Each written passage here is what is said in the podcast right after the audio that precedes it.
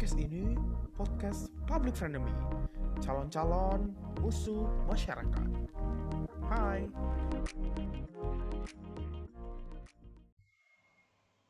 Halo friends, kembali lagi di podcast public frenemy dengan aku Dimas yang akan jadi uh, host kalian selama 20 menit ke depan. Kali ini aku bakal ngebahas sesuatu yang sensitif banget untuk dibahas. Dan dengan kalian ngeklik judul ini, maka kalian udah secara nggak langsung sepakat bahwasannya apa yang aku bahas itu adalah apa yang menjadi judul dari topik ini gitu. Jadi kalau mis kalau misalnya sampai sekarang kalau ngerasa kalau kalian nggak mau dengerin apa yang aku ucapin, tinggal mungkin tinggal keluar aja. I think that is okay karena um, aku juga bukan terlalu expert di bidang ini. Aku hanya menyuarakan keresahan-keresahanku atas konflik yang terjadi gitu. Um, baik dari sisi kemanusiaan dan banyak sekali sisi lainnya. Dan konflik ini ya, konflik ini ada konflik Palestina Israel. Dan konflik ini tuh nggak bisa kita tarik, aku rasa dengan um, dunia hitam putih gitu, di mana ada yang benar dan ada yang salah, di mana ada yang di mana ini cuma konflik agama atau cuman ini konflik politik. Um, aku rasa um, ini merupakan salah satu perang yang paling kompleks gitu. Karena perang ini tuh terus eh perang ini tuh terus terusan dijadiin kayak hmm, apa ya suatu objek yang sangat delicate oleh apa ya, suatu subjek yang sangat gimana bilangnya? Di mana orang-orang tuh bisa ngambil sisi gitu loh. Dan orang-orang yang ngambil sisi ini bisa take advantage dari konflik-konflik ini. Hmm, aku tuh bukan orang yang expert banget dalam sejarah, tapi setahu aku tuh perebutan ini tuh terjadi karena um, karena salah satu konfliknya itu yaitu uh, tanah yang dijanjikan gitu terhadap umat Yahudi. Jadinya ujung-ujungnya tuh ya singkat cerita umat Yahudi tuh merasa kalau tanah yang diduduki Palestina itu adalah tanah miliknya gitu, yang ada di eastern dari Mediterranean gitu. Apa sih Sebelah timur dari Mediterranean, Laut Tengah ya sebelah timur laut tengah gitu. Dan itu tuh tempat uh, Palestina di sekarang gitu. termasuk jalur Gaza, West Bank dan lain sebagainya. Yang akhirnya Israel tuh merasa mereka tuh punya kedudukan atasnya gitu. Kan itu kalau kalian lihat ngebom ngebom ada di masjid mana itu atau rudal-rudal itu tuh kemungkinan tuh di tanah-tanah yang di udah dijanjikan uh, udah dijanjikan gitu tanah yang udah dijanjikan oleh aku nggak tahu oleh siapa. Dan aku nggak mau sok tahu gitu. Nah um, untuk membahas topik ini kita tuh nggak bisa melihat ini dari kayak sekedar topik agama gitu atau sekedar topik kemanusiaan sekedar topik politik atau sekedar topik ekonomi tapi merupakan gabungan dari semuanya. Um, singkat cerita kenapa aku buat episode ini? Uh, karena aku dan teman-temanku tuh kemarin sedang ngebahas ini aja gitu. Yang ngebahas uh, konflik dari Israel ini sendiri Hmm, dan aku dan ada beberapa approach yang aku rasa tuh sangat menarik kepada kasus ini. Dan uh, aku dan teman-teman itu, teman-temanku itu termasuk orang-orang yang bukan open minded ya, tapi uh, mau untuk berdiskusi gitu. Adalah sekumpulan orang-orang yang walaupun kita berbeda pandangan, tapi kita tetap mau berdiskusi gitu. Karena ya suka aja gitu ngelihat sudut pandang orang lain atas permasalahan ini. Uh, jadi ada kawanku yang ngebawa approach agama gitu. Kayak um, ya banyak banget yang ngebawa approach agama. Um, dan aku ngerasa itu bukan sesuatu yang salah ketika kita ngebawa approach agama. Karena pertama-tama uh, ini terjadi di Timur Tengah. Timur Tengah itu adalah timur eh Timur Tengah itu adalah tempat uh, biasanya tumbuh agama-agama gitu. Terlebih lagi agama-agama Abraham Abrahamik gitu. Um, ya.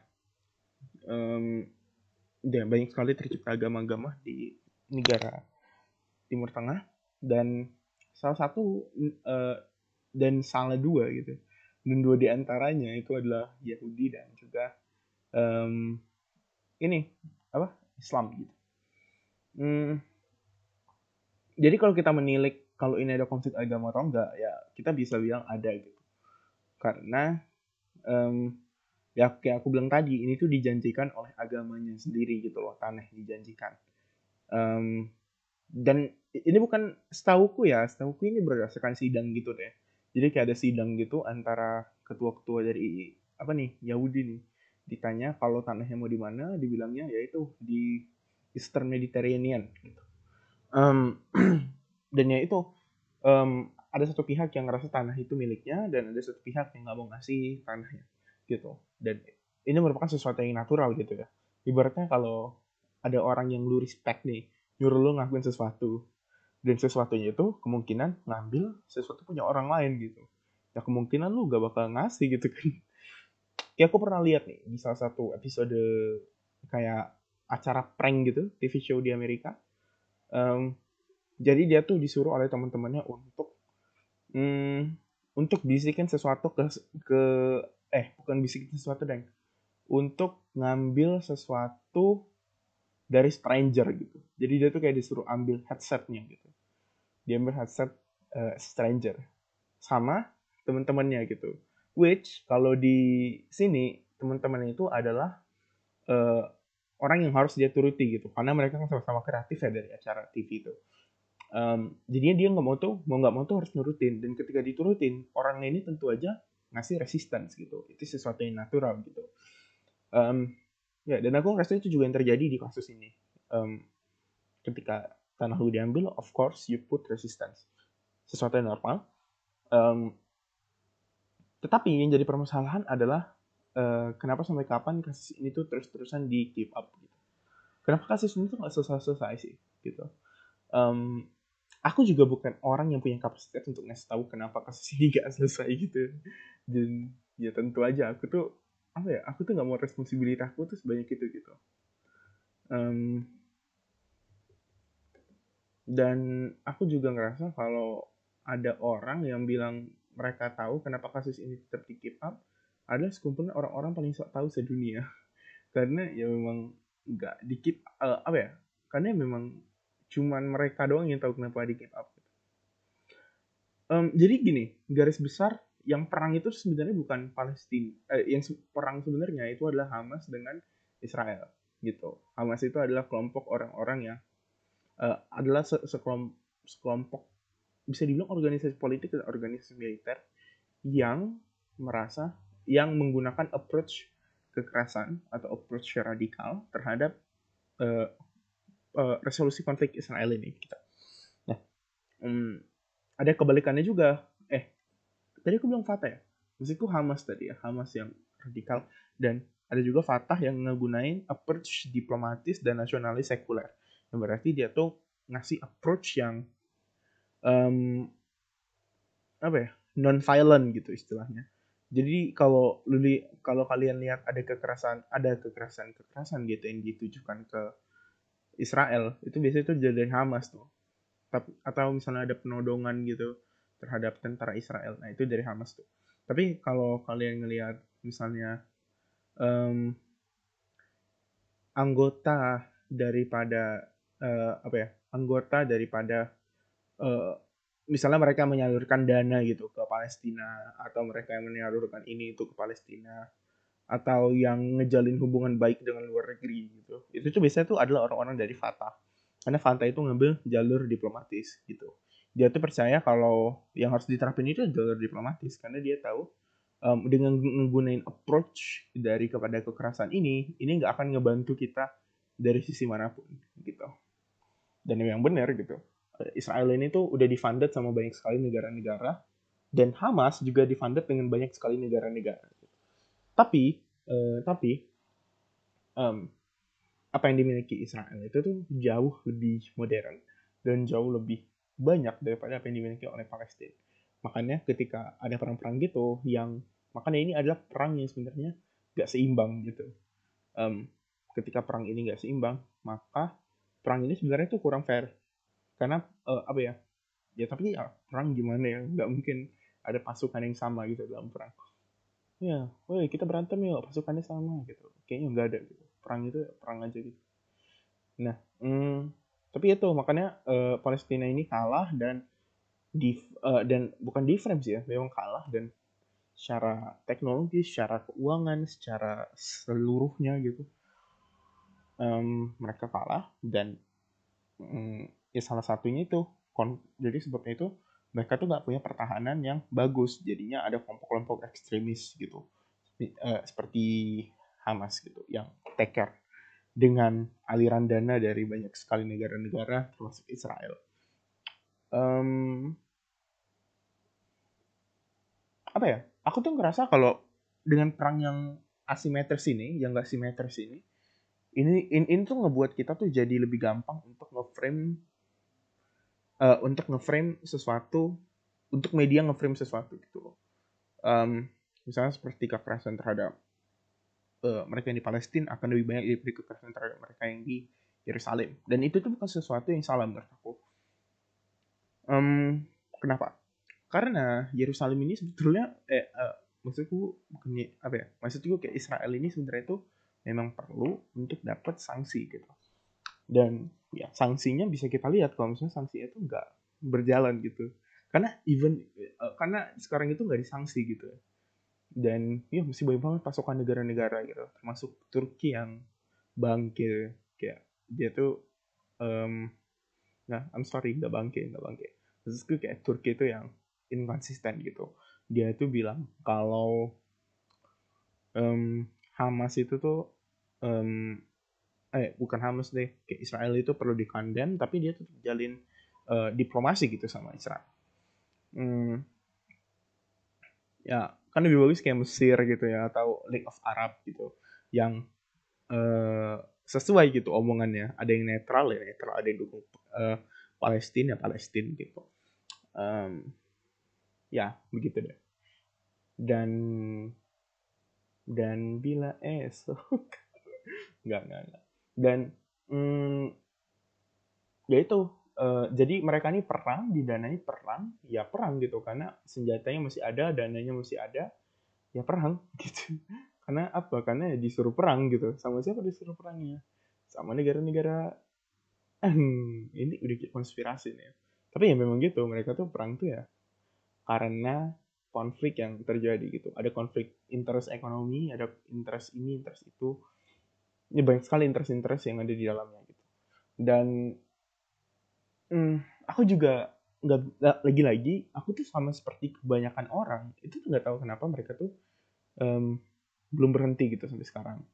Tapi yang salah satu aku suspek itu adalah um, um, intervensi asing sih. Itu tadi selama masih ada aliran dana selama masih ada international uh, seperti bantuan-bantuan daripada kelompok kelompok kemanusiaan, bantuan daripada kelompok-kelompok um, bantuan daripada kelompok-kelompok kayak apa ya kelompok-kelompok luar deh gitu. Seperti organisasi non profit dan lain sebagainya yang masih ngasih ke mereka berdua ini dan juga negara-negara besar gitu di interest masing-masing maka akan terus-terusan perang gitu. Karena ya kan nggak perang bisa sebenarnya kayak nggak ngebom tuh bisa sebenarnya tapi kenapa coba mesti ngebom sampai sekarang? Harusnya juga Israel tuh bukan, aku nggak ngerasa Israel tuh negara yang um, oke okay, memang radikal gitu, uh, memang uh, ya yeah, nasionalis radikal gitu kan. Um, tapi ya, ya mereka tuh udah menang gitu loh dari dulu. Kenapa nggak berhenti gitu loh? Apakah memang mau nyampe? Apakah memang mau sampai ke dominasi wilayah, dominasi teritori? Aku rasa itu bukan goal akhirnya. Karena ya udah pernah gitu mereka menguasai teritori. Tapi ya ujung-ujungnya eh, mereka juga tetap nggak menguasai teritori itu sendiri. Mungkin aku salah dan ya lagi-lagi ini cuma keresahanku aja gitu tahu apa yang aku tahu. Nah tapi sebenarnya aku tuh um, ya ini udah jelas salah gitu ya. Ini udah jelas kompleks gitu seperti yang aku bahas. Um, banyak sekali hal-hal yang ngebuat ini jadi nggak selesai gitu. Dan ketika selesai, seperti one state solution, two state solution, dan solusi-solusi lain seperti perdamaian dan garis-garis perbatasan yang nggak jelas, maka um, itu tuh ya udah nanti balik aja deh misalnya ke apa yang terjadi kelak gitu. Yang aku paling kesel adalah orang-orang yang um, orang-orang yang menanggapi isu ini tuh hanya sebagai satu isu aja gitu Padahal isu ini lagi-lagi aku berani bilang kalau ini tuh isu yang sangat kompleks. Um, ketika let's say konflik yang lu maksud itu sudah selesai, belum tentu konfliknya selesai.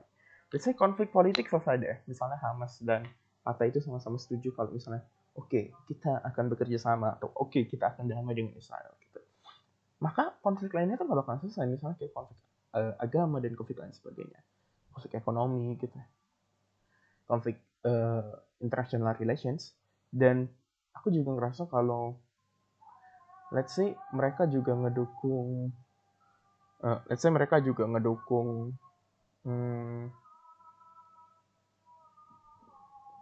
let's say mereka ngedukung yang namanya itu tuh aduh anjir stuck um, wait. Let's say misalnya konflik let's say misalnya konflik agama juga udah resolve. Aku juga yang nggak yakin kalau itu sesuatu yang masih uh, akan sustainable kedua negara gitu. Ketika keduanya sama-sama menerima damage keduanya sama-sama menerima uh, ya yang satu. Wait azan. Oke okay, udah siap. Um, ya kayak aku bilang tadi aku ngerasa kalau konflik ini tuh ada konflik yang kompleks dan uh, bukan hanya perspektif dari media ya tapi juga perspektif misalnya dari tokoh-tokoh agama tokoh-tokoh politik tertentu yang setahu kalau ini adalah satu konflik yang dapat diselesaikan adalah orang-orang yang ngomongin janji palsu gitu. Dan kemungkinan orang-orang yang nyebarin suatu bullshit gitu kalau kataku um, kalau ada yang tahu ini ya kok solusinya? Karena iya siapa pun yang ditanya juga nggak tahu gitu sampai sekarang. Sampai peneliti sekarang itu juga nggak tahu gitu solusinya itu kira-kira apa. Karena lagi-lagi um, kayak gejolak setahu ya kayak gejolak Hamas dan Fatah ini juga um, sesuatu yang um, fluktuatif gitu. Ada saat ada masa yang mereka tuh uh, ada masa yang mereka tuh benar-benar diplomatis ada masa yang mereka tuh benar-benar kayak ini kayak benar-benar nyerang-nyerang aja gitu. Dan don't get me wrong gitu ya. Kenapa aku nggak ngomongin Israel sih deh tadi? Karena ya mereka tuh ya udah salah aja gitu. Mereka tuh melanggar treaty mereka tuh uh, ngelawan tentang basic human rights gitu ya uh, mereka tuh menginvasi suatu negara menjajah suatu negara jadi ya udah udah bangsat aja gitu. Makanya nggak perlu dibahas sih Israel ya. nah tapi yang aku pengen bahas tuh adalah persepsi masyarakat gitu. Menurut aku jangan mudah terprovokasi sama solusi-solusi yang ada. Um, karena lagi-lagi ada uh, solusi yang ada tuh um, solusi yang ada di internet ataupun dibilang oleh suatu orang tuh belum tentu benar gitu. Jadi jangan sampai kemakan kalau standar kalau standar kebenaran itu tuh cuman yang orang itu bilang kemungkinan itu nggak benar um, terlebih lagi orang-orang yang memang nggak kompeten gitu orang-orang yang belum tentu uh, belajar tentang Timur Tengah itu kenapa. Orang-orang yang yang nggak ngabisin waktu untuk uh, di Timur Tengah tuh ada ngapain aja. Orang-orang yang mungkin nggak terjun langsung di bidang government atau mereka yang di sana langsung gitu ya ke interview gitu kalau mereka nggak ngelakuin itu semua dan cuma didasarkan atas base logika aja itu jangan dipercayai. Kayak aku juga tadi gua ngomongin dari tadi juga jangan dipercayai gitu. Um, tapi ya mungkin bisa dijadikan referensi aja gitu. Atau sekedar ya sebenarnya podcast ini kan nyampain emosi aku aja gitu. Aku emosi? Aku emosi gitu. Um, dan ya sebenarnya aku sih buat konten ini karena dari podcastnya Om Deddy Kobuser um, dan aku ngerasa kalau ada satu hal yang kayak kalau bisa ada satu hal yang ngerangkum ini semua adalah kalimat ini. Wait gini dia bilang gini narasumber goblok. Siapa sih? Eh bentar mana sih? Ah nih gini nih gini nih denger baik narasumber goblok kok belum tahu apa yang terjadi udah dibilangin sih gitu. Terus di bawahnya ada lagi, undang aja bang, ustadz ini, ustadz itu. Aku nggak mau jemput namanya ya, karena kemungkinan akan ada yang tersinggung gitu. Undang aja ustadz ini bang. Terus ada juga yang bilang, undang dong bang, asli ini bang. Undang dong bang, ini bang. Undang dong ini, ini, ini, ini, ini. Eh, kau bang sih ya? Oh, maksud aku. Hmm, lagi-lagi aku ngerasa kalau um, apa yang kita ketahui dan tidak ketahui itu tuh bukan berarti benar ataupun salah gitu. Ya dan untuk menilai suatu konflik kita tuh nggak bisa menilai dari apa yang A katakan atau apa yang B katakan. Kita tuh harus bisa ngegali lebih dalam lagi gitu. Karena sangat bahaya kalau informasi yang kita dapat dari internet informasi yang kita dapat dari orang itu tuh kita lakuin tanpa research. Itu tuh kita lakuin tanpa apa pun itu. Karena words is a lot harsher than on than a gun gitu. Kalau lu punya gun lu kemungkinan akan ada masih ada rationality kan gitu. Ketika lu punya gun masih ada rationality gitu. Bahkan ketika lu ada senjata paling mematikan dunia lu juga ada rationality. Ketika mungkin lu dapat kekuatan super lu mungkin masih ada rationality. Tapi ketika kita udah percaya sama suatu hal dan hal itu udah mengakar ke diri kita. Dan kita nggak mau hal itu untuk diubah sama sekali karena itu udah termasuk ke value kita. Maka itu adalah sesuatu yang perlu diubah. Dan ya ini, ini sebenarnya hak, hak prerogatif manusia ya. Tapi untuk ngebentuk society yang uh, society yang benar-benar harmonis society yang benar-benar ideal aku rasa kita harus love each other respect each other. Bye bye kok bye bye sih ya aneh bener oke okay. bye friends oke okay. gitu kali ya. eh iya deh